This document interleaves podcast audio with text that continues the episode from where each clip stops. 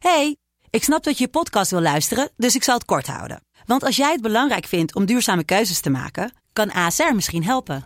Nou hoor ik je denken, hoe dan? Nou, bijvoorbeeld bij het duurzaam herstellen van schade. Of de premies die we beleggen volgens ons duurzaam beleggingsbeleid. Dat bepaalt waar we wel en juist niet in investeren. Wil je meer weten over welke duurzame keuzes ASR maakt? Ga dan naar asr.nl slash duurzame keuzes. ASR doet het. Zo, dan kan je nu lekker naar je podcast luisteren.